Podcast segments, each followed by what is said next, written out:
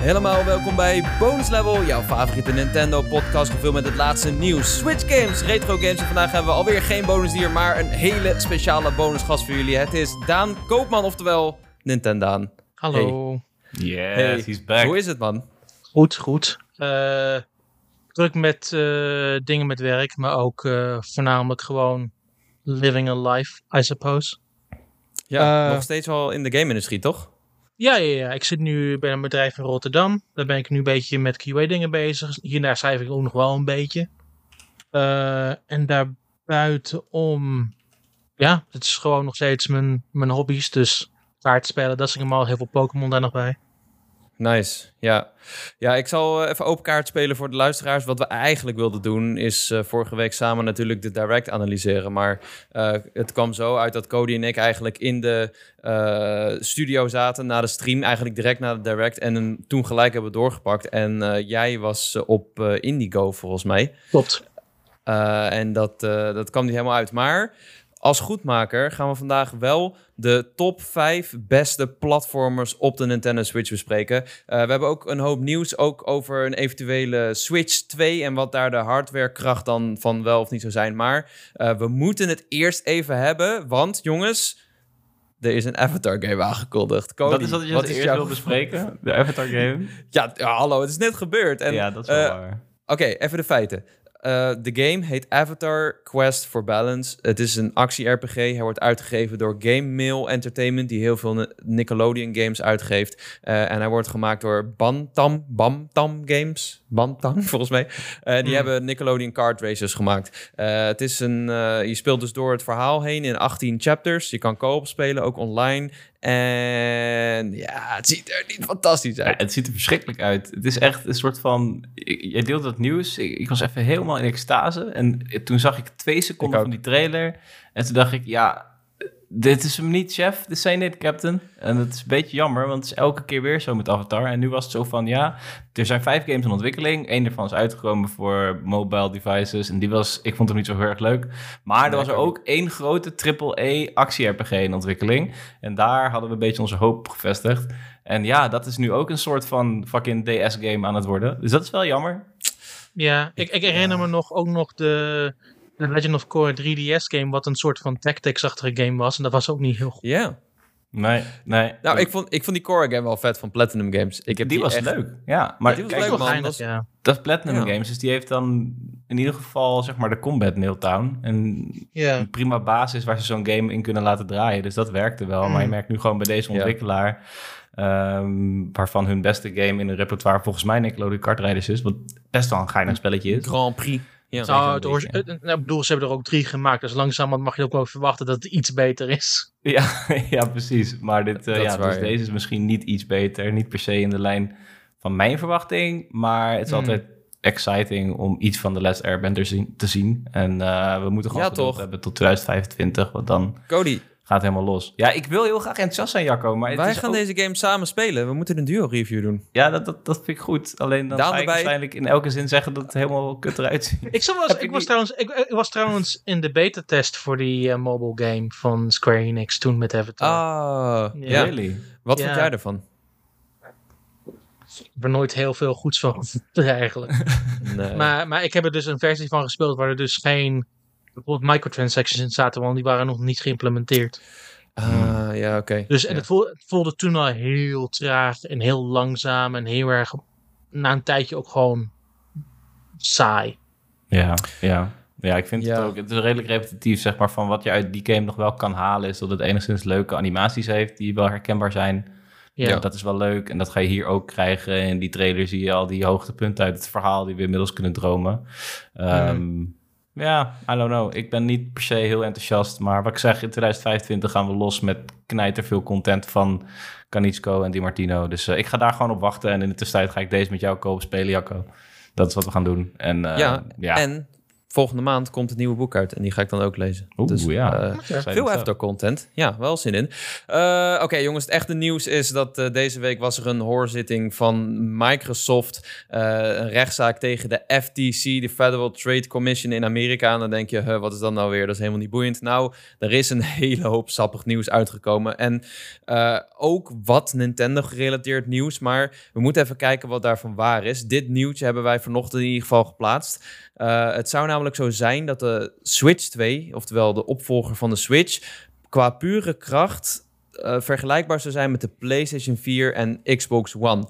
Eh, dat zou voortkomen uit e-mailverkeer tussen Bobby Kotick, de baas van Activision, en de Nintendo-president Shuntaro Furukawa. En volgens bronnen als Benji Sales zou Kotick daar onder andere de inzicht hebben gekregen in de kracht van het nieuwe platform. En ik heb hier een quote. Het is namelijk redelijk om ervan uit te gaan dat we iets meeslepends voor de next-gen Switch kunnen ontwikkelen. Ehm, eh, en eh, volgens Kotick zou de console dus vergelijkbaar zijn met de achtste generatie consoles. Eh, maar Daan, jij zei net dat het misschien niet helemaal klopt. Ja, er, er zijn een paar mensen op Twitter, onder wie en Modern Vintage Gamer, die zeggen dat de quote niet helemaal klopt. En die zullen waarschijnlijk ook wel de FTC-zaak volgen. Ja. Maar wat van precies dan wel en wat dan niet aan de quote klopt, dat weet ik dan niet helemaal. Ja. Nee, dat is, dat is een beetje onduidelijk inderdaad. Want ik geloof wel dat ze dat e-mailverkeer hebben ingezien en dat hij dus zeg maar eh, inderdaad inzage krijgt eh, voor, voor het nieuwe platform. Want eh, Microsoft heeft beloofd dat Call of Duty naar de Switch komt de komende tien jaar op naar Nintendo-platformen. We weten allemaal dat. Weet je, in ieder geval de laatste Call of Duty's, Modern Warfare 2, gaat niet op een Switch draaien. Dus moeten ze zich voor gaan bereiden. En eh Kotick heeft in ieder geval niet bevestigd dat Call of Duty inderdaad naar de Switch komt. Hij zou eerst de precieze specificaties willen zien. Maar het is wel Hmm. logisch dat hij dat inziet. Ik bedoel, het, het, het is, dat die deal is deel van de Microsoft deal. Dus als dat Ja. niet doorgaat, wat nog alle kans van beide kanten op kan gaan. Ik bedoel, het heeft kans van Ja. slagen, gezien de Europese Unie ehm, daadkracht heeft gekregen van Microsoft op een paar voorwaarden. Inclusief eh, cloud gaming. Maar de FTC en in de UK, ik vergeet hoe die, de CMA volgens mij in de UK, Ja, gaan er, klopt, momenteel, gaan er momenteel echt heel hard op. Eh, vooral nu dat er echt een rechtszaak bezig is in Amerika. Ja, En ja. dus er is een kans dat het misloopt. En dan hebben we gewoon eigenlijk helemaal niks fysiek in handen voor Nintendo-platformen. Wat interessant is, want de laatste die uitkwam op Switch was precies tien jaar geleden voor Wii U. Was dat Ghost of Black Ops 2? Dat was Ghosts. Ghost, Ja, ah, ja. Ghost, ja. Legendary Ghost of the Wii U. Eh, ontvangst gekregen op eigenlijk alle platformen. Ja, Ghost had ook wel een beetje pech natuurlijk. Hè. Het viel in die, in die eh, generatie Switch. Dus het was, eh, het was een beetje een, een, een vreemde game. Maar ja, ja, PS3 op Switch. PS4. Ja, Call Call of Duty op Switch. We hebben het er vaak over gehad. Ik, ik denk ook helemaal niet dat ze zich moeten gaan meten met de nieuwste Call of Duty. Ze moeten gewoon, net zoals Call of Duty Mobile, een Call of Duty Switch maken. Of een Call of Duty Nintendo. Uh, Ja. en, en daar kan je echt wel wat mee doen. En dat gaat ook echt wel verkopen. En als je er een live service game van maakt, dan kan je genoeg microtransacties daarin kwijt en het levend houden. Ik denk dat dat way Ja. is. Het, probleem is een beetje dat de bubbel voor live service een beetje aan het, aan het barsten is. Mm. Gezien hoeveel je aan de mobile kant en PC kant games ziet sluiten. Er zijn dan Ja, nog maar een aantal games die daar heel actief in zijn, maar het wordt wel minder. Eh, Ja. En dan vraag ik me af van, wat kunnen ze met Call of Duty dan precies doen? Gaan ze dan echt de poort van een PlayStation 5 game naar een Switch 2 brengen? Dat weet ik nog niet echt Nee, helemaal. niet. Ja. Hm. Nee, hoe ik het voor me zie, inderdaad, wat jij zegt, Cody. Een, een free-to-play Warzone Mobile bijvoorbeeld, die eind dit jaar uitkomt. eh, dat zou prima op een Switch draaien, prima op een Switch 2. En eh Kotick zegt ook dat hij spijt heeft dat hij deze generatie Switch, deze generatie Nintendo-platformen niet heeft ondersteund met Call of Duty. Dus ik denk dat zij zelf ook wel de potentie zien, maar er zelf nooit gewoon op zijn gesprongen. Ja, En, ik, ik ben eh, ook wel benieuwd hoe games als Apex, die natuurlijk wel eh, na een jaar naar Switch kwam, anderhalf jaar geloof ik naar Switch kwam, hoe die, eh, hoe die nu zeg maar varen. Toen die net uitkwam, heb ik hem zeker gecheckt. En nou ja, Ja. dan heb je top in en dan heb je Ja. een slechte draw distance. En dan Mm. heb je niet de ideale controller. Pro controller is prima hoor, maar als je met een hand wil spelen, is niet ideaal. Maar ik heb geen idee hoe de playerbase daar nu van is en of dat leeft. Ja. Verrassend genoeg, recentelijk was er dit jaar een zo'n free-to-play game, Rogue Company. Hm. oorspronkelijk Ja, tijdens de coronaperiode was dat in zo'n uh, mini partner showcase. Ja, en, nu, nu, en nu wordt het gesloten op Switch omdat ze niet meer de updates daaraan toe willen voegen. Hm. Ja, ja. Maar heel, heel ja, even een stap terug, hè, naar, voordat we het over Call of Duty hadden, het gerucht of dat bericht waar, waar jij het over had, Jacco, dat gaf aan, dat vond ik wel interessant aan die strekking, de next gen Switch. Dus we hebben het niet over de volgende Nintendo console, maar we hebben het echt over een opvolger van de Switch die wat dichter bij de Switch blijft staan. Hoe interpreteren jullie dat? Of is dat gewoon hoe, hoe het is geschreven nu? Ik, ik denk, volgende platform. Ja, ik denk gewoon dat het vrij logisch is. Want ze hebben zichzelf eigenlijk in een hoek gezet. Want eigenlijk kunnen ze nu niet meer terug. Eh, het feit dat ze hun handheld en console teams hebben samengevoegd en daar de switches uit gaan rollen, lijkt me vrij logisch dat je daar een opvolger van maakt. Hoe ver het dan backwards compatibility heeft of de dingen kan doen die de Switch kan, dat weten we niet. Nee. Nee, en uh, ik denk ook dat, uh, kijk, als het waar is dat hij even krachtig is als de Xbox One en PS4, Um, die sprong is van de Switch helemaal niet zo heel groot. Dus ik zou vermoeden dat het weer om mobiele hardware gaat en dus weer om een hybride platform. Dat is waar, waar ik, als ik dat hoor, waar ik dan vanuit ga. Uh, er is nog één ding wat, wat de game kan veranderen, namelijk uh, DOSS 2.0. Uh, er waren heel veel geruchten dat een, dan wel een Switch Pro, dan wel een Switch 2 DOSS ondersteunen. Mochten mensen niet weten wat het is, DOSS is die upscaling techniek. Dus die mm. heeft een uh, algoritme en die uh, weet bijvoorbeeld 1080p up te scalen naar 4K op een relatief mooie manier. Um, waardoor in ieder geval qua resolutie de Switch ook mee kan met uh, de huidige platformen. En uh, dat is ook wel interessant. Dus als je dat combineert met een ja, een machine die op papier in ieder geval even krachtig is als de PlayStation 4, ja, dan denk ik dat we echt wel hele mooie games erop gaan zien. Want denk even na, God of War, Spider-Man, uh, Last of Us Part 2 zijn echt waanzinnig mooie games. Dus uh, ik denk dat als Nintendo daar net zo geoptimaliseerde exclusives voor maakt, dat je echt wel, uh, echt wel weer een hardware sprong vooruit hebt. Ja, het, zijn, de games die je nu noemt zijn natuurlijk wel allemaal ultra realistische games. Ik zie Nintendo nog steeds ja. niet per se die, die straat inrijden. Dat ze hmm. weer op realisme gaan zitten. Ja, maar die games heb je ook op PlayStation. Zeker, maar, maar zo'n Last of Us 2, hoe goed draait hij op de normale PlayStation 4 ten opzichte van de PS Pro? En waar komt prima van de Switch console dan in de buurt? Is dat meer PS4 Pro of een normaal PS4? Daar is het ook wel weer een gradatieverschil in, zou ik zeggen. Dat is waar, ja. Maar dat, PS4 Pro was meer een resolutiebump. Volgens mij was die echt letterlijk twee keer de videokaart of zo erin gestopt om hem uh, uh, in 2K af te laten spelen. Of vandaar dat ze ook gewoon extra laagje erop hebben gedaan bij de Pro. Dus letterlijk gewoon Ja, dat was de grap. dat de PS6 nog zo laag in de bovenop werd. Of de PS5. Uh, ja, nee, goed. Dat, uh, dat was een van de belangrijkste nieuwtjes. Er is een hele hoop uitgekomen. Onder andere dat ook uh, Microsoft Bethesda zou hebben gekocht... omdat Sony anders Starfield exclusief ging maken. Of dat was een van de triggers. Eh, ze hebben ook gezegd Nintendo. Dat was weer in een uh, andere uh, meeting. Dat ze willen dat de transitie van dit Switch-platform naar het volgende platform soepel is. Uh, en daarmee noemde het eigenlijk de Nintendo-accounts. Oftewel, je logt in op je Nintendo-account en download dingen. En het zou verdomme eens tijd worden. ik, vind, ik vind het verrassend dat dit weer nieuws is. Want dit was al twee jaar geleden gezegd tijdens de shareholders meeting. Ja, dat is wel waar. Ja, ja. ja want ze, ze hebben letterlijk een een, een graphic laten zien waar ze zeggen van uh, toekomstgrafiek en onder staat nog steeds compleet Nintendo account van Switch onward. Dus ja, Er, is, er, is, er, was al de intentie twee jaar geleden om dat te doen. En om dat nog een keer te zeggen, het zegt wel dat ze er wel echt legitiem naar kijken. Um, ja. Maar als ze daar niet echt mee op de proppen komen of ze laten het echt hangen, dan heb ik zoiets van, ja, maar wat heb je dan de afgelopen twee jaar zitten doen? Ja.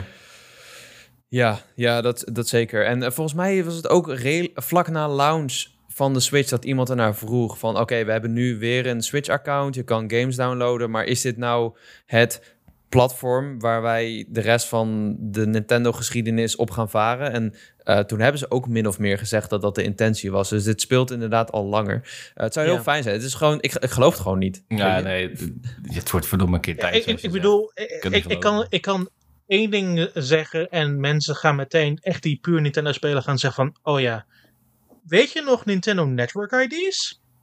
Ja. het begon de Wii U. Zeg van, dit is de toekomst. Je hebt je eigen nickname. Je kunt je gewoon de nickname invullen en dan via je vrienden.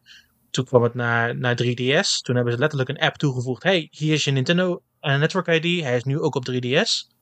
Ja. En toen eh, Mitomo uitkwam, zeggen ze van...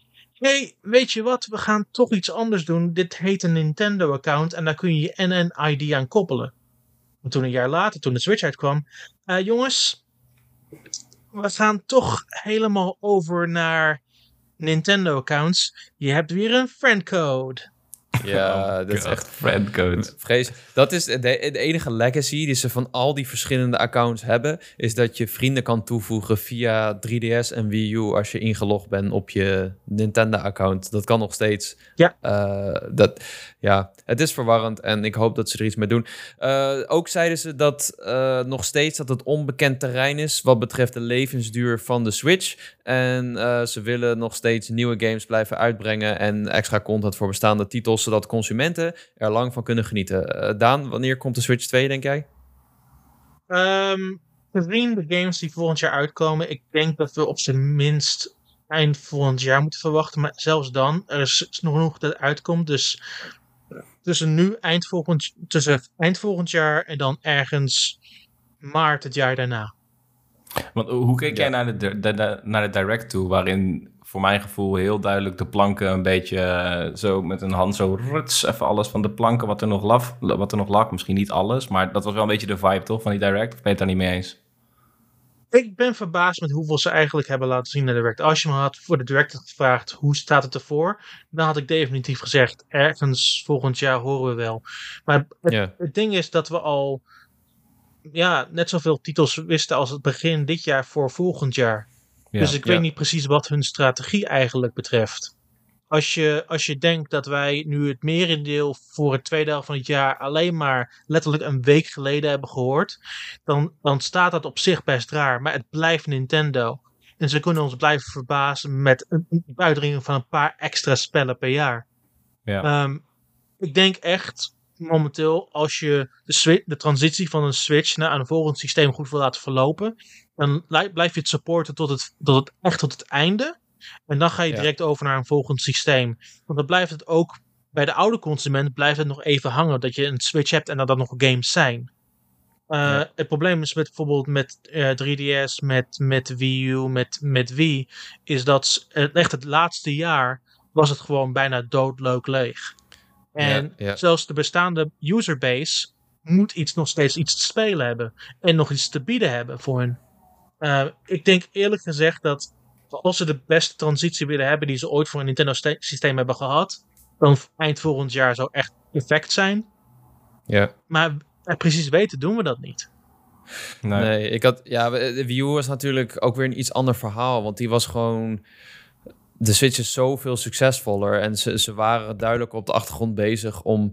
Uh, al die studio's, weet je, games moeten worden gemaakt. Dus dat kost gewoon even. En uh, je, dat laatste jaar uh, zag je inderdaad dat er gewoon niks meer was. En ze hadden die tijd nodig om die Switch die kickstart te geven die het nodig had. Mm. En bijna een soort doorstart voor Nintendo. Ja. Laat ik het op een andere manier vragen. Wat, was, wat, wat, wat kwam er uit in het laatste type jaar van wie?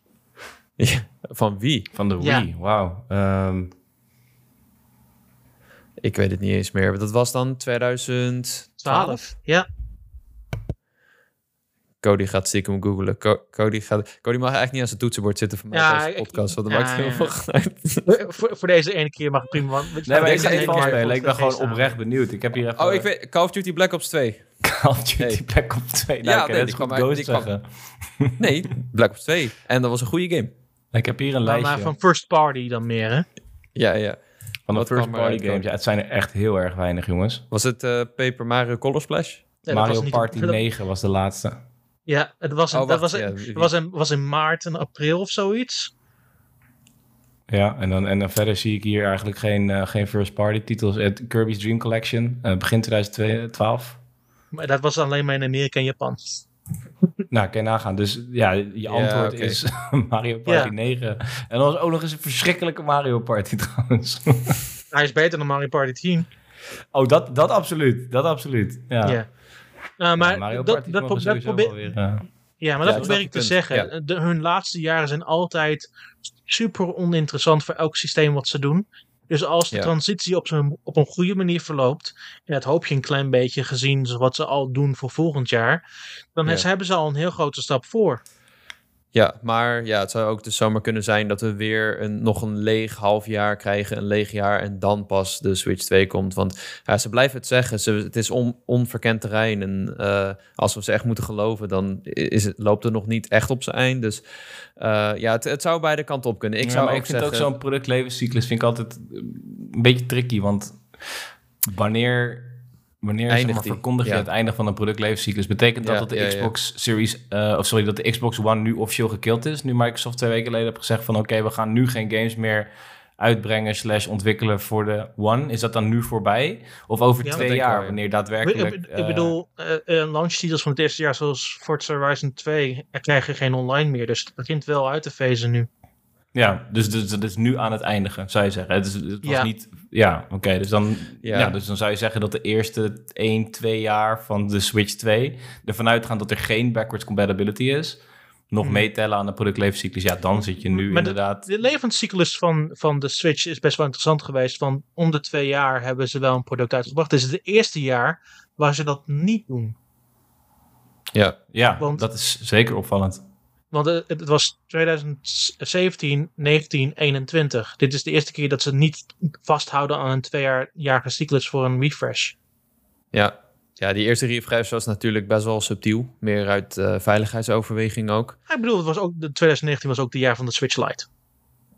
Oh, oké. Ja, nee, ik dat is zit. Ja, waar. nee, dat is Ja. waar. Ja, en dan de OLED. Eh, ja. Eh, ja, de, het is, eh, we hebben het er bijna elke week over. Maar eh, ik denk dat het Direct inderdaad wel heeft laten zien dat ze toch nog wel het een en ander in huis hebben. En dan hebben we nog niet eens bijvoorbeeld Metroid Prime 4 gezien. Ja. Dus die, die zouden ook nog zomaar aan kunnen komen. Interessant. Ja. Ja. Ik, eh, ik denk dat we naar het bonusonderwerp gaan, jongens. Het bonusonderwerp is de beste platforms op Switch. Waarom? Ik weet het eigenlijk niet. Ik, ik, waren een beetje aan het scrollen voor onderwerpen en ik dacht, ik vind het wel leuk om... eh, er zijn heel veel platforms op Switch en Ja. misschien willen mensen wel gewoon iets hebben voor op vakantie. Misschien wil je wel iets hebben eh, wat niet per se Mario is, ook al zal Mario best wel vertegenwoordigd zijn in onze top 5. Wat ik ook denk, is dat er in onze top 5's best wel veel overlap zit. Dus ik dacht, misschien moeten we gewoon een beetje uitgebreid door jouw top 5 Ja. gaan daan. En dan laten wij wel weten of die in onze top 5 staat. En als alles wat overblijft, dat benoemen wij dan. Interessant. hoe ik, was, eh, ik was juist voor, voor unieke games gegaan, omdat ik dacht dat jullie voor de normale zouden gaan. Nou ja, kijk, ik- ik- Oh. De afweging is een beetje van... Ik voelde het net nog even aan het begin van... Jacco, wat zijn de spelregels? Houden we het Nintendo, first party... of trek je het volledig breed? En Ik heb breed Jacco, we gaan hem breed trekken. En ja, en toen Ja. is die lijst van mij nog wel redelijk wat op de schop gegaan. Eh, ik denk dat Jacco en ik sowieso Ja. overlap gaan hebben. Maar wat jij hebt, Maar- inderdaad... Maar, maar ik, ik, heb, ik heb letterlijk eh, zelfs in mijn hoofd een, zeg, van een lijstje gemaakt. En er waren toch iets van 22 games of zo die in mijn hoofd opkwamen. Ja. Ja, ja, dat zijn- ja, het, ik- nou goed, eh, het zijn willen we dan hoor. toch rondgaan? Willen we toch rondgaan of niet? Zeg jij maar, Cody. Het, nou ja, kijk... ehm, ik Weet denk je dat wat, we best gaan wel... jullie eerst? En dan noem ik vijf games die jullie niet hebben genoemd. Dat, kijk, als je daarvan overtuigd bent, dan, eh, dan, geloof ik daar ook wel in. Zover zou ik het... Eh, ik denk dat we, laten we dan gewoon beginnen met eentje die wij sowieso gaan delen, Jacco, Celeste. Ja, Ah, dat is mijn yes. nummer één. Ja, dus, ja, het is ook mijn nummer één, maar eh, iedereen die dit luistert wist dat we die gingen noemen. Letterlijk iedereen. Ja, maar niet dat ze op nummer één staan. Oh mijn god. dat had je nog niet hoeven vertellen, Jacco. Dat, ja, oké. Nou goed. Eh, Celeste is, eh, wat mij, is een van mijn favoriete games ooit gemaakt. Eh, het is meer dan een platformer. Als je kijkt naar de pure platform gameplay van deze game, zou je misschien kunnen zeggen dat er andere games beter zijn. Maar ehm, het is wel de platformer die mij liet zien dat ik niet heel slecht ben in 2D-games. of dat ik ze niet kan overkomen, zeg maar. Want van mezelf ben ik veel beter in 3D-games dan in 2D-games. Ik merk het aan alles. Aan 2D Mario, van eh 2D Mario tot aan Shovel Knight, tot aan eh, games als The Messenger. En Ehm, ik, ik, Celeste is gewoon een, een die game zegt tegen je: oké, het is oké als je faalt. En iedere keer als je faalt, als je naar beneden valt, als je doodgaat, dan kun je het weer opnieuw proberen en dan ben je beter geworden, want je leert. En, Sterker nog, het is uh, extremely oké. Okay. En dat is waarschijnlijk ook de reden waarom ze een uh, studionaam hebben veranderd in extremely oké. Okay. Ah, daar heb ik niet over nagedacht. Uh, het is echt mega toegankelijk, terwijl het echt hardcore is. En ja. Uh, ja. weet je, het is heel subtiel ook. De, de, de submissies per schermpje is vaak één strawberry. That's it. Maar die ene strawberry ja. die kan ervoor zorgen dat je een uur langer in dat ene scherm zit. Um, ja. ja, ja, ik weet niet of we Celeste nog... Ik weet niet of we Celeste nog moeten uitleggen voor mensen. Want uh, even kort, het is dus een platformer waarin jij als uh, Madeline, een meisje, en zij heeft dan uh, anxiety, zij moet een berg overkomen. Dat is dan een beetje de metafoor voor haar mentale obstakels. En de game bestaat eigenlijk uit door schermpjes springen inderdaad. Je springt van schermpje naar schermpje, je moet naar de overkant zien te komen. En je kan springen, je kan klimmen beperkt en je kan dashen. En als je op de grond landt, dan dash je. En alleen met die die mogelijkheden maakt die game steeds ingewikkeldere levels. Waardoor je eerst doet uh, spring, klim, dash en dan ben je aan de overkant. En dan is het spring, klim, jump, dash aan de overkant. En uh, het, het, is echt een soort masterclass in moeilijkheidsgraad. En ook een moeilijkheidsgraad curve. Uh, die jou echt precies meeneemt naar het niveau waarop je zit. En dan steeds weer een, een stapje verder tilt. En een masterclass in level design. Want wat deze game doet, hoe creatief het omgaat met die beperkte middelen, dat is echt fantastisch. Naast een waanzinnige soundtrack, uh, naast een uh, heel mooi thema en naast hele vette collectibles, die, die aardbeien, die. Ja, met een hele grove pixel art eroverheen. Uh, ja. Wat echt heel sprekend is. En uh, ja, ja, nu wil je ook niet alles weggeven van de game. Willen mensen hem nog gaan spelen. Maar inderdaad, de thema's die erachter zitten... waar je op het begin eigenlijk helemaal niet zo erg mee bezig bent. Pas op een gegeven moment ja. dan halverwege de game... dan uh, moet je tegen haar grootste vijand. En dan begint wel duidelijk te worden wat haar grootste vijand is. En waar die anxieties precies op gebaseerd zijn. En ja. Uh, ja, dat kan een thema zijn dat dichtbij je staat of ver weg staat. Bij mij staat het redelijk dichtbij. Uh, en dat was echt niet de reden waarom ik het zo'n goede game vond. Maar dat dat schepje er nog bovenop kwam, was voor mij wel van oké. Okay. Dus het is en een fantastische game. En er zit, er zit iets in van de makers wat je niet altijd te zien krijgt. Dat is wel, is wel heel uniek. Uh, en dat terwijl ze Towerfall moesten opvolgen. En dat was al echt, nou ja, echt een perfecte game qua hoe strak die controls waren. En hoe je in 2000, moet ik het goed zeggen, wanneer kwam die game uit? Uh, met de release 18. van PS4. 18. 2018. Um, oh, Towerfall bedoel je? Ja, Towerfall, ja. Dus dat is denk ik 2014 14. uit mijn hoofd. Ja. Um, hoe, hoe je naar het heden, wat nu al lang niet meer het heden is, dus tien jaar terug bijna, couchcoop kan brengen. En hoe dat nog steeds interessant kan zijn. En uh, hoe dat mensen bij elkaar kan brengen. En dat overtreffen met Celeste, dat was voor mij echt onmogelijk. En ja. ze gaan nu Earthblade maken, die ontwikkelaar. Ook daar ben ik heel benieuwd ja. naar. Dat moet een soort van combinatie zijn van beide games, van Celeste en Towerfall. Ja. Uh, ik moet zeggen, de eerste trailer daarvan vond ik oké. Okay. Underwhelming though. Maar het is nog steeds een van mijn meest geanticipeerde games. Omdat uh, alles wat die studio maakt verandert gewoon in goud. Dus ja, Celeste ja. moet in deze lijst. Ik, ik zat even, ja. even een kleine correctie, want ik zat het voor mezelf in mijn hoofd te checken. Uh, Towerfall was oorspronkelijk een Ouya-game. Een wat? Een Ouya? Een Ouya. Echt? Oh shit. What? In, juni, die, in juni 2013. Hij is letterlijk tien jaar oud. Wauw. ja, Jesus. De Ouya, dat platform.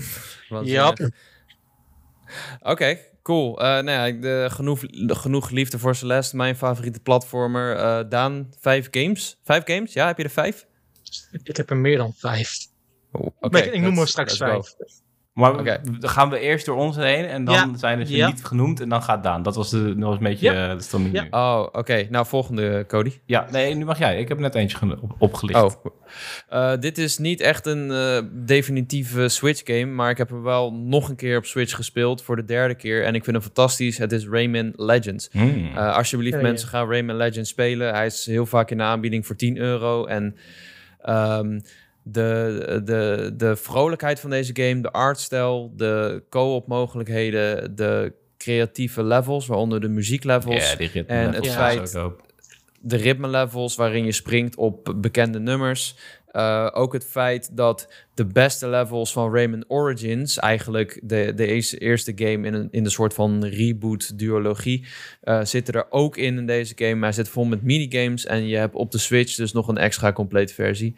Uh, Rayman Legends speelt fantastisch. Het, is de, het is de 2D-game die ik het lekkers vind spelen. Omdat je niet veel glijdt. Je staat op je plaats. Je kan lekker... Uh, dat is altijd een probleem voor jou, Ja, ik glij altijd door met Mario. Ik kan daar niet tegen.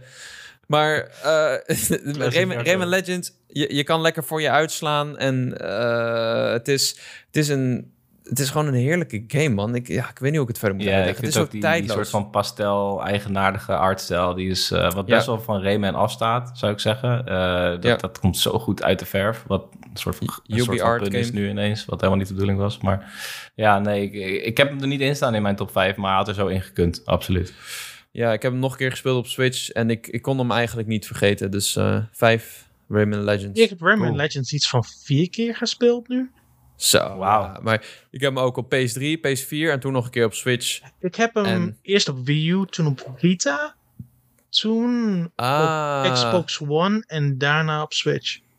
Ja, wauw. Wii U en ik heb hem gewoon maar twee keer gespeeld. En ik dacht altijd van, nou, ik ken die game best goed. Uh, mijn grootste probleem met Rayman Legends is... als ik die wil spelen met uh, dan wel mijn, mijn vriendin... of dan wel met een van mijn beste maten eh, we willen allemaal gewoon Rayman zijn, want ik vind die andere personages niet zo boeiend. Ik heb, ik heb helemaal niks mee. Ik vind ze ook niet zo heel leuk of zo. Uh, en Rayman is gewoon awesome. Dat is mijn enige probleem, dat we Rayman niet kunnen delen. I just want to be Rayman. Snap ik, ja. Oké. Okay. Uh, Oké, cool. Nou, dan zou ik ook bij mijn uh, vijf beginnen. Of uh, nou, beginnen. We, hebben, we, zijn begonnen met Celeste, dus dat was interessant. Um, hmm. Ik heb op vijf Ori and the Blind Forest staan. Nice. Okay. Um, ja. Ik vind dat... Ik vind, ja, ik vind ze allebei goed, hè, trouwens, deel 1 en deel 2. Maar ik ga ze er niet allebei in zitten. Daarvoor vind ik het totaal niet goed genoeg. En ik vind Ori and the Blind Forest, die voegt toch wel wat toe aan uh, het basisconcept van de game, waardoor het wat langer leuk blijft. Deel 1 was vooral verbluffend vanwege de, uh, ja, prachtige wereld, intens prachtige wereld en het soort van gevoel van puurheid en geluk en natuur wat in die game zit. Uh, deel 2 doet daar nog een schepje bovenop door echt wat meer op Metroidvania te gaan zitten. De combat is wat interessanter. Uh, het checkpoint systeem vind ik net iets lekkerder werken. Um, het is, een, het is een emotionele game ook. Er gebeuren wat dingen in die, uh, ja, dat komt echt wel binnen. Uh, dat, dat kwam zeker binnen. En, en los daarvan, het speelt zo onwijs lekker. Het speelt zo onwijs goed. En ja. je bent constant uh, benieuwd naar een plekje die je kan zien, maar nog niet bij kan. Van hoe de hel ga ik daar dan bij? Leer ik een triple jump? Nou, triple jump is geen ding. Weet je wel, van je bent constant met jezelf aan het evalueren van hoe gaat deze game zichzelf nog overtreffen? Hoe blijft dit interessant? Welke elementen van deel 1 die dat Metroidvania-aspect zeg maar stimuleerden komen terug? Of gaan ze daar speling op vinden? En uh, ik, ik heb deze uh, zowel op Series X gespeeld in 120 hertz of 120 eh, fps en 4K, dat was fantastisch. Uh, ja. Maar ook op Switch. En op Switch doe ik dat dan lekker handheld. En ja, dan, dan heb ik helemaal niet zoiets van: oké, okay, hij is aanzienlijk minder mooi op Switch. Hij draait gewoon fantastisch. Het is een heerlijke game. En heb je deze niet gespeeld? Ik vind eigenlijk dat het bijna must-play is. Ja, voor mij, Will of the Wisp vond, vond, ik ook fantastisch. Ik heb er nog over nagedacht, maar ik heb hem op Xbox gespeeld. Dus voor mij was het niet per se een Switch game. Maar uh, ja, misschien wel uh, de beste Xbox uh, One game. Op Sea of Thieves staan natuurlijk. ja, dat is niet mijn ja. Ik ben meer op Forza Horizon, man. Oh, ja, voor, hey, ja, Forza staat ook heel hoog mee. Ja. Ben ik nu weer aan de beurt? Ja, hebben we, mag ik alvast weten, hebben we al iets getouched van jou, Daan? Of zijn we er overheen gevlogen nog? Uh, jullie hebben er twee getouched van mijn lijst van 22. Oké, oké. Nou, deze staat er, moet erin staan. Uh, deze staat waarschijnlijk heel hoog bij jou, Cody. Uh, Super Mario 3D World plus Bowser's Fury. Yeah. dit is natuurlijk de remaster van de Wii U game. Uh, het is gebouwd voor co-op. Het is eigenlijk een beetje de 3D-versie van nieuw Super Mario Brothers.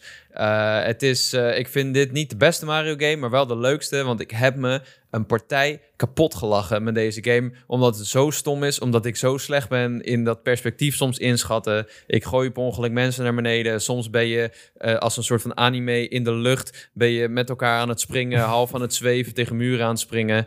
En, Vergeet Plessy niet. Dat slaat Plessy, helemaal nergens op. Dat je allemaal ja, de andere kant op stuurt. En dat ding ja, uiteindelijk iemand, rechtdoor blijft gaan. Omdat je zo elkaar aan het tegenwerken bent. Ja, mensen Mm. lopen te kutten. Eh, en daarbij vond ik Bowser's Fury een leuke extra. Ik vond het niet misschien zo goed als eh, veel andere mensen. Maar dat komt een beetje omdat hij niet zo smooth bestuurde als een Mario Odyssey. En dat miste ik wel een beetje. Maar eh, ja, het is, het is wel een eh, ontzettend vette eh, extra. En een, een hele mooie proof of concept voor een iets meer open stijl Mario game. Dus vandaar dat hij in mijn top 5 staat. Bij mij, ik vind, eh, ik heb eigenlijk, ik heb 3D World nooit doorgespeeld op Switch, want ik vond Bowser's Fury te goed. Ik heb hem al zeven keer doorgespeeld. Ah. Wauw. Oh, jezus. Echt? Ja, ook 100% Sick. ook. Ja, Dan ga ik iets controversieels zeggen. Eh, Ik vond namelijk Bowser's Fury een proof of concept dat het niet helemaal werkt voor mij. Ik vond het echt heel... Ik vind het Echt? leuk en interessant, maar ik had daar geen hele game van gehoeven.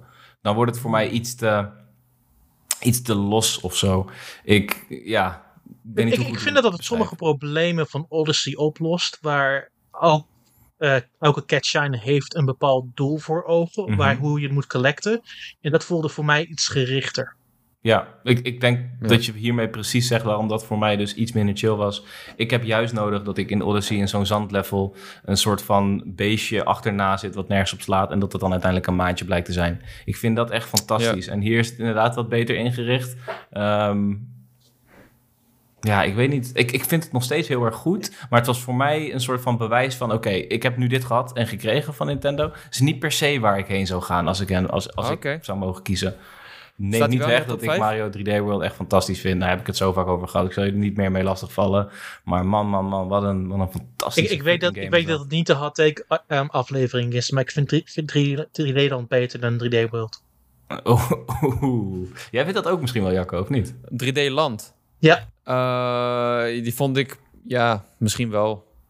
Ja, misschien wel. Maar dat komt misschien ook omdat het gewoon op een handheld was. En, eh, nou, voor mij 3D vo- effect vo- was ook voelt de, de gameplay net iets preciezer en het gaat een stuk sneller voorbij. Ja. ondanks dat, het waar. 16 werelden zijn in, in 3D-land. ja.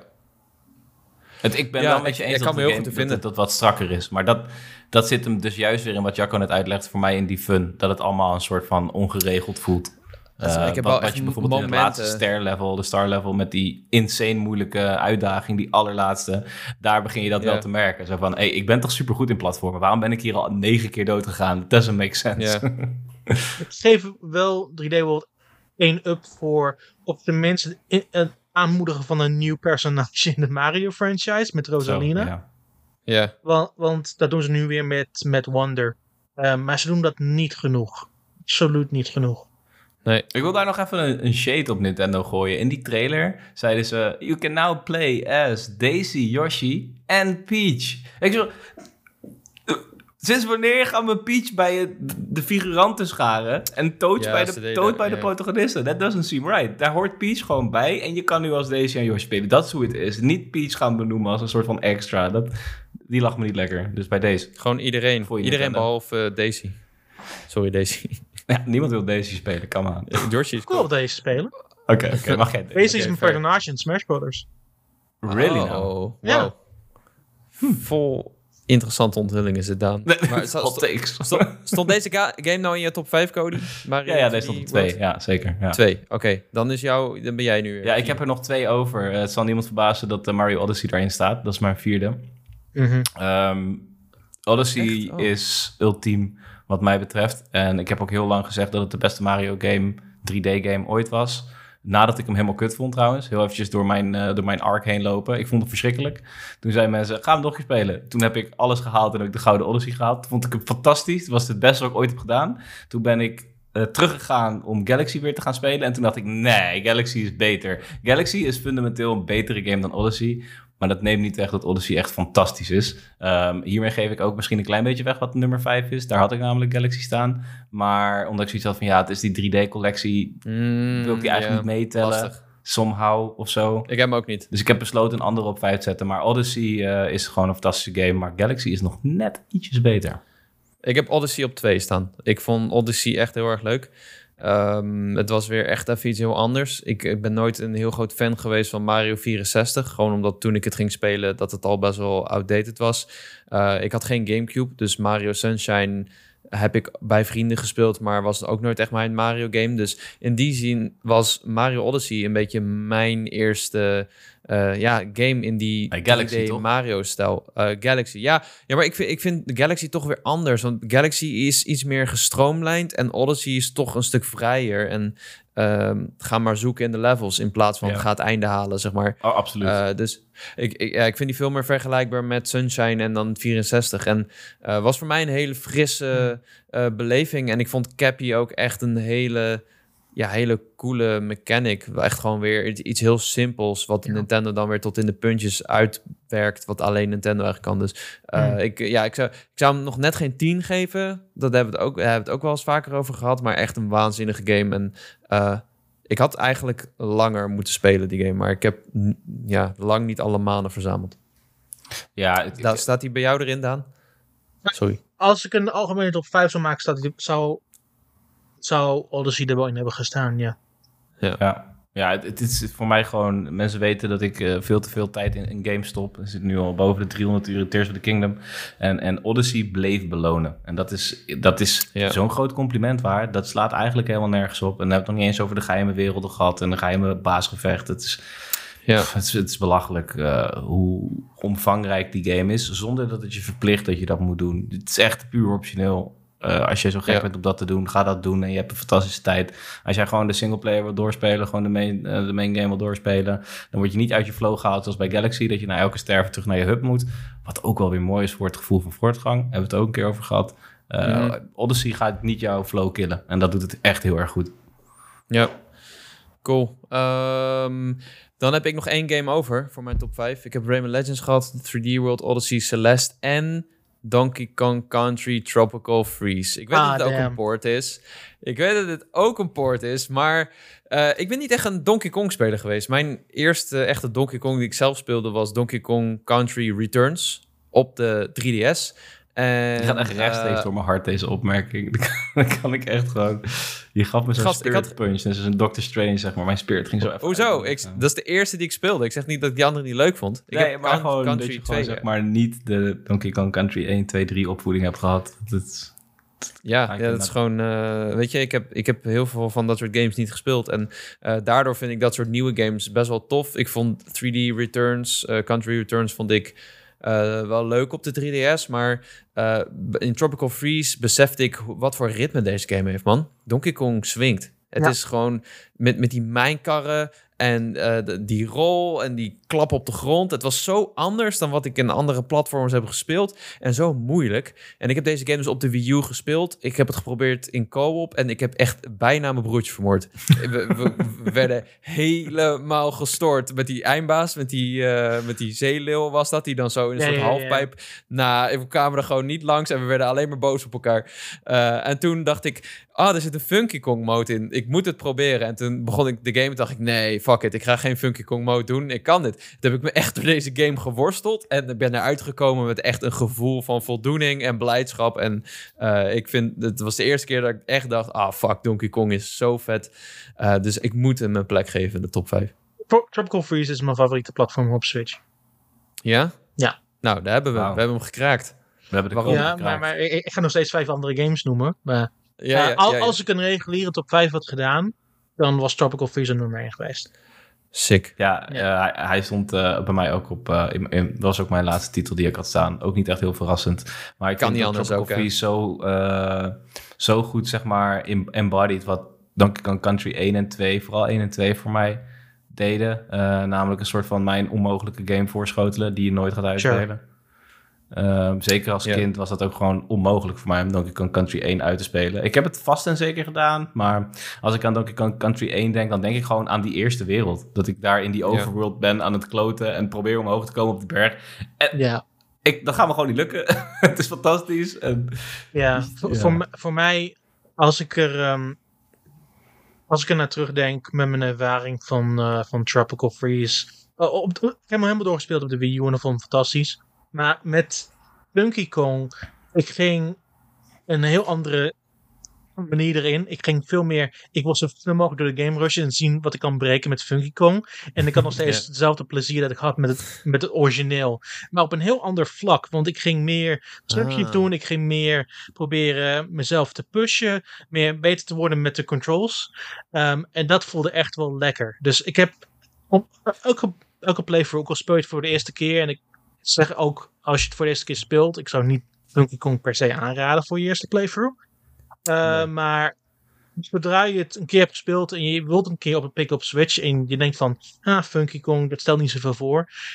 De, het, de, de verschillende trucjes- trucjes die je kunt doen, vooral met het vliegen over bepaalde obstacles, maakt voor Ja. bijna een hele leuke speedrun game. Hmm. Ja, maar ook... dat heb ik dus nog nooit gedaan. Misschien moet ik dat ook maar een keer doen. Omdat ik het dan een soort van vertik of zo. En dat het voelt alsof je de uitdaging uit de weg gaat. Maar zoals dat jij het brengt. Je kan het zelf een uitdaging maken. Ja, je kunt er zelf een uitdaging maken door meer ehm, iets agressiever te spelen. Ja, als dat een ja. juiste manier van zeggen is. Ja, nee, Eh, absoluut.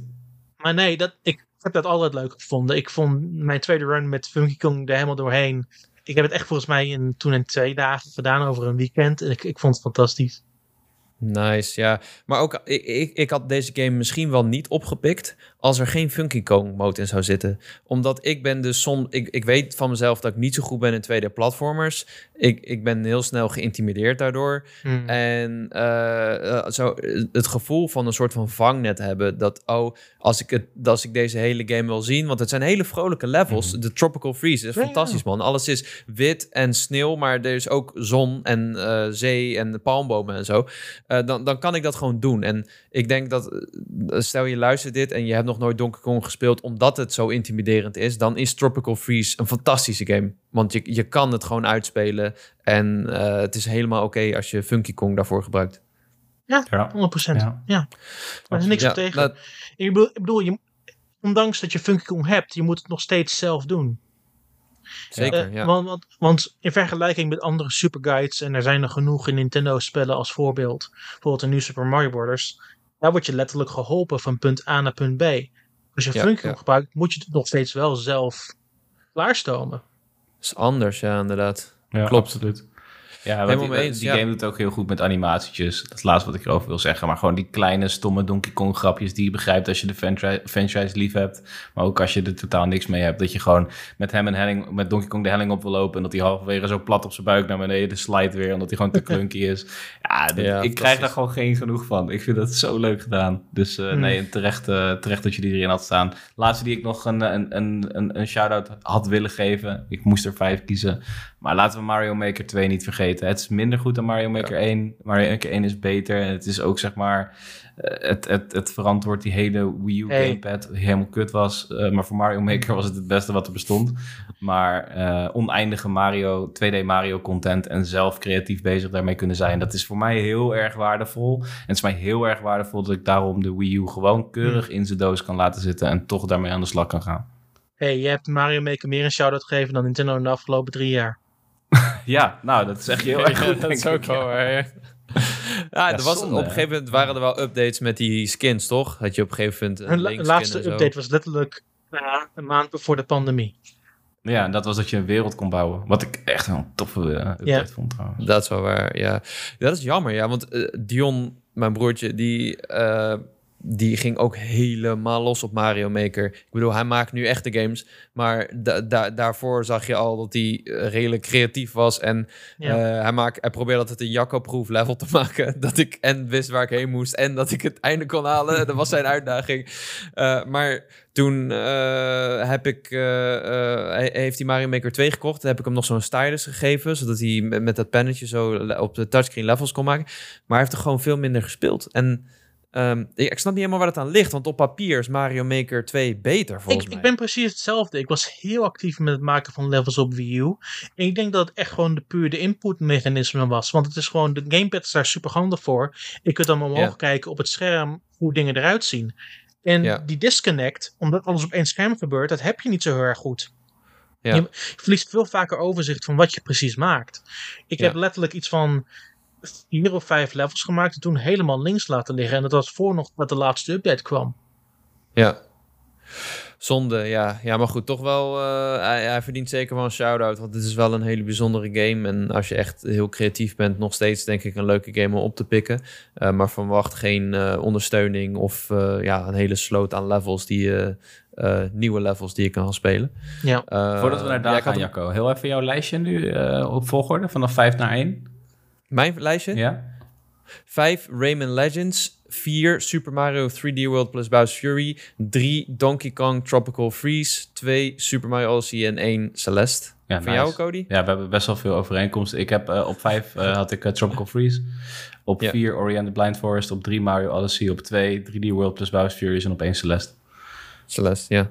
Nice. Grappig dat Celeste dan toch overeenkomt. Nou, Daan, trap hem erin. Ik heb, een, ik heb een lijstje van 21 geprobeerd er 5 te noemen die ik leuk vind. Komt u hoor. Ja, ja. ja, ja. Uh, eentje die heel vergelijkbaar is met Tropical Freeze in de manier van hoe het speelt. Uh, Ukulele in Impossible Lair. Ah, ik heb die dus nog niet oh. gespeeld. En ik zag deze week nog een tweet van een, uh, een persoon die bekend is in gaming, waarvan ik nu niet meer weet wie het is. En die zei van, het enige wat hij tweet was, was uh, Impossible Layer beter dan Donkey Kong Country Tropical Freeze. Toen dacht ik, jij bent niet goed. Maar nu hoor ik jou het zeggen en denk ik, fuck, heb, ik, dan, heb ik het dan volledig verkeerd? Moet ik die game nee, ik, ik, vind het niet, be niet beter dan Tropical Freeze. Laat me daar heel duidelijk over zijn. Okay. Maar, maar die wil op het speelt, het voelt heel erg als zo'n game. Ja. Um, er zijn iets minder levels. Er zijn ongeveer iets van 20 levels met een, een soort van B-kant-achtige versie. Mhm. uh, maar je wordt ook een beetje geneigd om echt meer te zoeken door de levels, om de power-ups te vinden, om dan meer te unlocken door de game heen. En er zit meer, ook meer een verhaal achter en een meer een groter einddoel waar je uh, door um, speciale items te verzamelen, kun je in een ja. laatst groot level kun je meer hits uh, verdragen. Okay. Um, je, er is een mogelijkheid, hetzelfde een beetje met Breath of the Wild, maar dan als een platformer, je kunt het allerlaatste level kun je ook als eerste spelen. Hmm. Maar dan kun je ook maar één keer geraakt worden en ben je ook meteen klaar. Um, uh. maar, de, maar de bijtjes die je verzamelt, die beschermen je dan. Dus uh, door alle levels doorlopen krijg je meer en meer hits die je kunt verdragen. Um, maar dat laatste level is super bruut. Uh, er zijn ook drie lagen aan de laatste baas. Dus wow. eigenlijk word je een beetje uitgedaagd om zoveel mogelijk te doen in die game. En dan pas de laatste baas te proberen te verslaan. En dat maakt voor een hele interessante dynamiek. Want je kunt zeggen van, ben ik er klaar voor? Denk ik dat ik er klaar voor ben? Nee, toch meer doorspelen, toch meer, meer gaan zoeken. Toch meer uh, dingen afwerken in de verschillende levels. En dan voel je je net sterk genoeg. Opnieuw, net als een beetje als de Breath of the Wild. Dat je net sterk ja. genoeg voelt om het te gaan proberen. En dan haal je het net en denk je van, ah verdomme, doe het nog een keer. Um, dat vind ik de leuke twist aan die game. Het is opnieuw heel erg. Donkey Country-achtig. Maar het laatste stukje in de game is zo verschrikkelijk uniek en interessant gedaan. En de eerste keer dat ik de game zag, het was tijdens een, een keer tijdens Gamescom. Um, zag ik de developer proberen de laatste level, voor het laatste level te gaan. Ik kwam niet ver.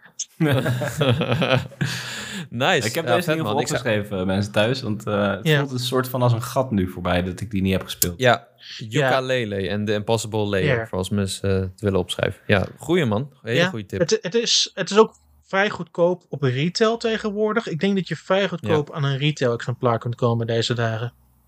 Ja, is ook veel in de aanbieding volgens mij.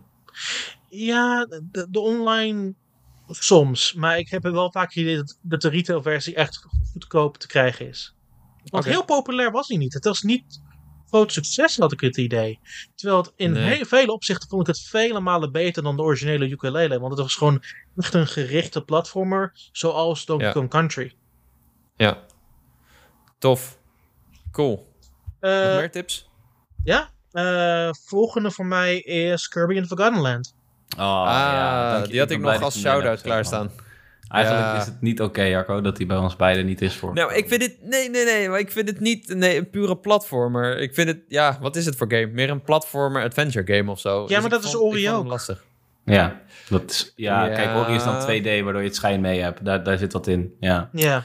Maar ja. de, de, hoofdmechaniek is nog steeds een platformer. Ja, het, het klopt True. wel. Nee, nee, terecht hoor, terecht. Maar ik had hem om die reden niet in mijn top 5 gezet, maar hij sure, staat letterlijk yeah. op 6. Hij staat yeah. letterlijk op 6 hier. Het is een hele vrolijke, gevarieerde game.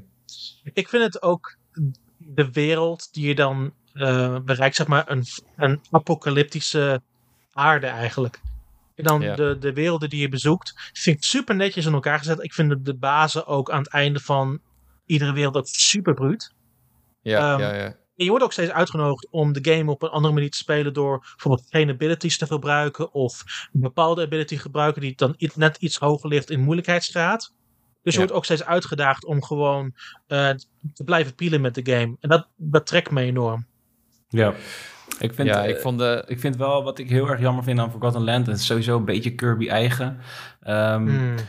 ik, ik vind het heel erg jammer dat ik moet kiezen tussen mijn vaardigheid eh, bij, de, bij de baas. Dan krijg je een hele mooi keuzemenuutje met, met zes van die vaardigheden. En ik ga dan Ja, vaak voor de chakram, omdat ik die het leukst vind en het meest ken. sure, Ik ja, denk ja. Van, ja, eigenlijk wil ik nu switchen tussen die vaardigheden. En eigenlijk wil ik toch iets meer uitgedaagd worden. Wat altijd een beetje, eh, wat je zegt over een Kirby game, het is te makkelijk. Ik vond dat Forgotten Land dat zeker goed deed. Het was niet te makkelijk wat mij betreft. Nee. Maar ik zou toch wel graag de mogelijkheid krijgen. En dat is dan ook deels aan mijzelf. Want ik kan inderdaad ervoor kiezen om het nog te gaan spelen en nog meer te pielen. Eh, maar ik zou het wel fijn vinden als ik iets meer daarmee mocht spelen gedurende één gameplay. Eén eh, playthrough, zeg maar. Sure. Nee, 100%. Ja, ja, ja. Ik, ik, ik vind het eigenlijk het leukste aan deze game. En eh, ik, had, ik had toen voor de tweede keer COVID, terwijl ik er echt gewoon geen zin in had. En ik heb deze game dus in één weekend uitgespeeld. Doe, ik doe dat bijna nooit trouwens. Eh, maar hij was zo vrolijk en zo gevarieerd. Die, ehm, dat pretparkwereld. Ja, Die, ja, fantastisch man. En dat spookhuis. Het was zo lekker. Ik hou zo erg van variatie in games. Ik wil Ja, niet de hele tijd dezelfde man. kleuren. Ja, fantastisch. En dan is het niet eens heel moeilijk. Maar dat hoeft ook niet in Kirby. En eh, zeker toen was ik daar heel erg aan toe. Dus hij kwam ook voor mij op het perfecte moment. Maar alsnog, eh, wat mij betreft, eh, de leukste Kirby ook. en, mou- eh, en mouthful mode is ook gewoon fantastisch. Dat Ja, ook die Ja, mondvol modus. ja, Er was al genoeg reden om die game te laten bestaan, gewoon. Ja. En laten we Ja, ook niet ja, vergeten dat, die, dat die fucking laat, het laatste uur van die game gaat ineens gewoon anime full metal. dat is ook echt heel. Ja, crazy. ik dacht dat het de intro was van Bayonetta 3. Ja, Ik dacht, wauw, wat is dit? ik bedoel, de, de eindes van Kirby games gaan sowieso Ja. al bijna super hard. Dus het is, eh, ja Dat klopt. is waar. Ja. Ja. Dat is waar, ja. We hebben bizarre Cool. dingen meegemaakt in Kirby games. Goeie. Ehm, maar, maar Star Allies was geen goede game. Nee, die heb ik ook gemist eigenlijk. Nee. Ja. Nou, hoef je ook niet voor terug te gaan, vind ik. Nee. Ehm, dan de, de, de gewone shout-out. Ik vind dat ik deze wel moet benoemen, want ik heb hem wel helemaal grijs gespeeld. De Shovel Knight Treasure Trove. Ah, Ik kan daar Ja, niet ja, ja. meepraten, helaas. ik, heb- heb ik- wel wat gespeeld. Ik, ik heb hem natuurlijk oorspronkelijk gespeeld toen hij uitkwam op eh, Wii U en 3DS. Ik heb hem eigenlijk toen destijds meer op 3DS gespeeld, de standaard Shovel Knight. Ja. Ehm, maar toen de Wii U collectie uitkwam, was het bijna op het einde dat eh, ze bezig waren met de laatste twee expansions. Dus Ja. toen bij de lancering van de Switch kwam een van die expansions als een soort van lanceertitel uit. Die heb ik toen helemaal grijs gespeeld. En ik dacht van, ik hoef niet de standaard ehm, campaigns nogmaals te spelen. Maar toen, tijdens een zomer, heb ik dat allemaal nog een keer doorlopen. Eh, Ja. Een heel stuk sneller. Maar de mechanieken vind ik altijd zo tof van die games. Hm. Ja. Eh, met, vooral met Shovel Knight, met het opgraven van die, eh, van die gems. En dan proberen zo goed mogelijk in het spel te blijven door poker stikken, door enemies te verslaan. En niet te veel grove fouten te maken door in pitfalls te vallen. Ik vind die Ja. flow vind ik ontzettend lekker. Ja, Ja, en eh, het doet natuurlijk ook een beetje denken aan DuckTales. Omdat je met je eh, shovel naar beneden zo af en toe springt. Eh, en eh, de grafische stijl van deze game vind ik ook heel bijzonder. Want het is heel erg retro, maar eh, het had niet per se in die tijd uit kunnen komen. Je ziet nog wel die details en die kleuren waar ze eh, heel erg slim mee omgaan. Ehm, ik, vind, ik vind het een hele moeilijke game. Ik heb hem daarom ook weinig gespeeld. Ik heb hem wel ook op Switch. En eh, ik heb vooral gekeken, want weer Dion, die eh, heel goed is in dit soort platformers. Die, ja. Ik denk dat het een tijdje was dat hij naast eh, Minecraft deze game leefde. Want die heeft hem ook echt elke, elke expansion heeft hij ook echt vijf keer doorgelopen. En het is echt zo'n... Je hebt heel veel van die retro-platformers, die pixel-art-platformers. Maar ik denk dat Shovel Knight nog steeds een van de allerbeste is. er is er één die nog beter is. En die heb ik gewoon niet in mijn top 5 genoemd. Omdat ik was vergeten Oh, dat die op Switch was. Maar ja, ik, ik ben nu te ashamed om hem te zeggen. Want Zeg maar. die, die had zelfs boven Celeste gestaan bij mij. Dat is Spelunky 2. Welke? Want Spelunky 2 is het beste wat er ooit gemaakt is. Ah. Gewoon, dat ja, maar die, ja, oké.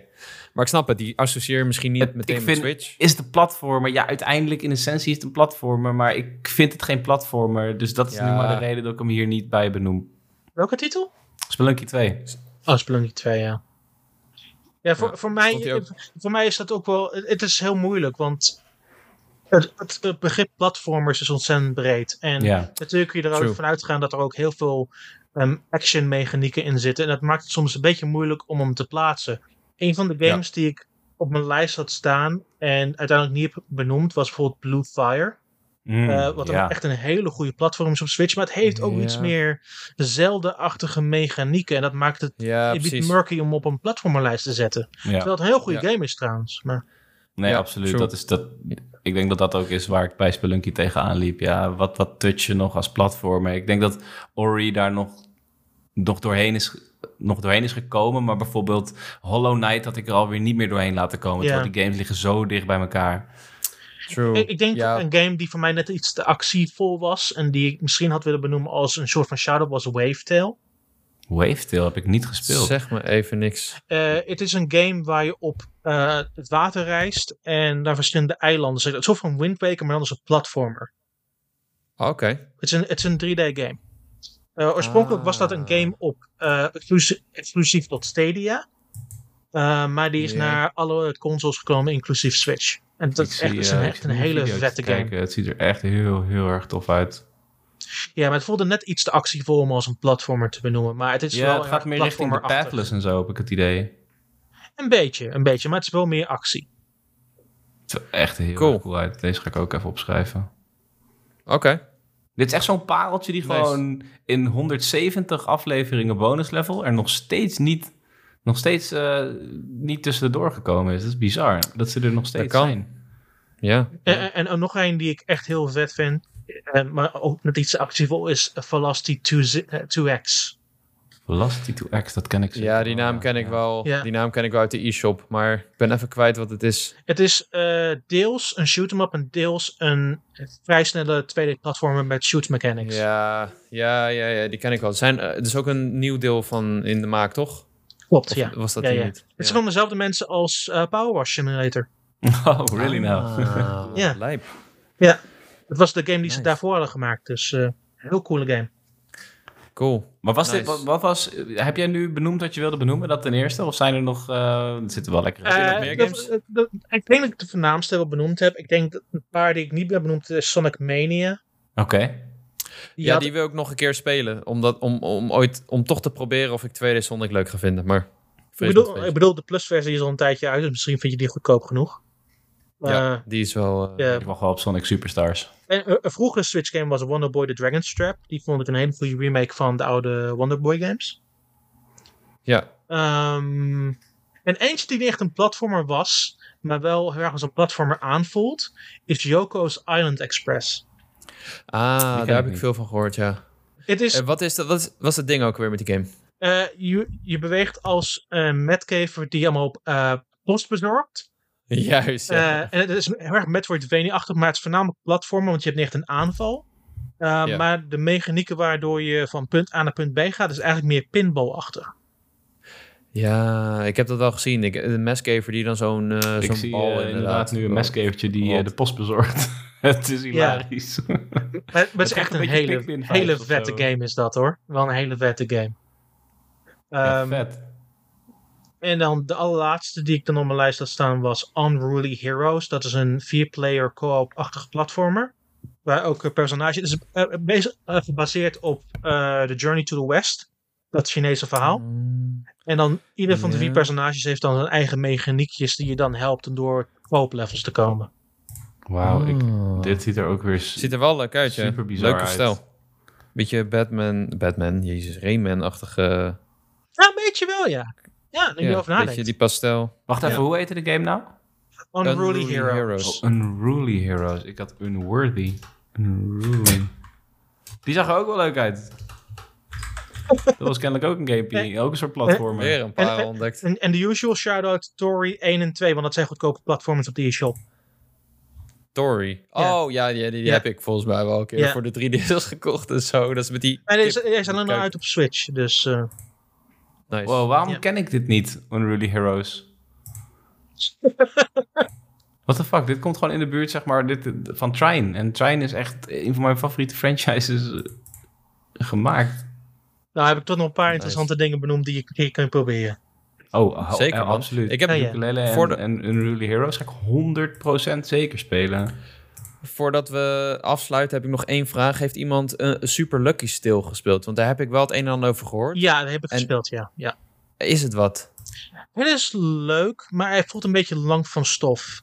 Ik vind dat de werelden net iets te lang zijn. De platforming voelt echt heel goed. Vooral nu op, ook op Switch. Voelt gewoon hartstikke prima. Maar ik vond de werelden net iets te lang. En het is ook meer gefocust op meer het verzamelen van objecten. dan daadwerkelijk het einde vinden van een level. Ah, oké. Ik ben echt obsessed door Unruly. Heroes trouwens. Ik moet stoppen Ja? met kijken nu, want anders vergeet ik dat ik een podcast aan het maken ben.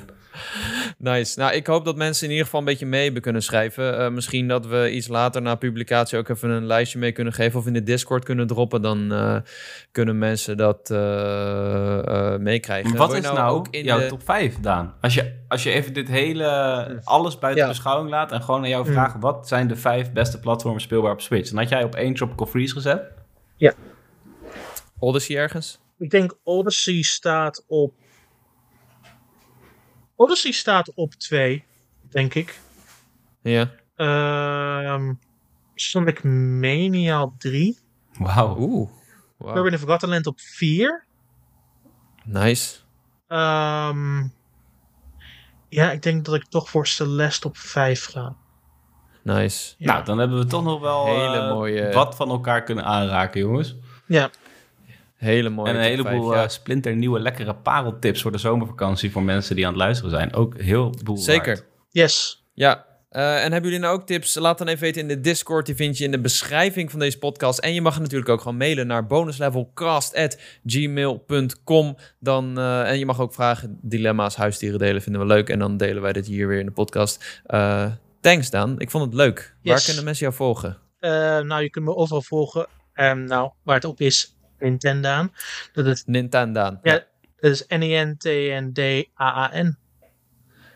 Nice. Ik, eh, weet je wat het is? Dit was de tweede keer dat jij te gast was bij ons natuurlijk. Maar je weet, als een, zeg maar, iets een beetje een succes is, dan moet het een trilogy worden, toch? Dat, bedoel- Nou, we moeten nog steeds de Hot Takes aflevering doen. Precies, en we hebben er weer een bij. Schrijf hem vooral op, eh, namelijk eh, de Hot Takes aflevering met Denda. En daarna gaat sowieso nog komen. Ik vind, eh, ik vind het een super fijne gast. En volgens mij ehm, hadden we ook elke week een podcast met z'n drieën kunnen maken. Dus eh, zo voelt het voor mij. Dus, Thanks man. Ik vond het Yes. super leuk. En eh, vond je dit nou ook een leuke aflevering? Laat dan even een beoordeling achter in de podcast app van Spotify of Apple Podcast. En dan zien we je weer bij de volgende bonus bonus level. Oh.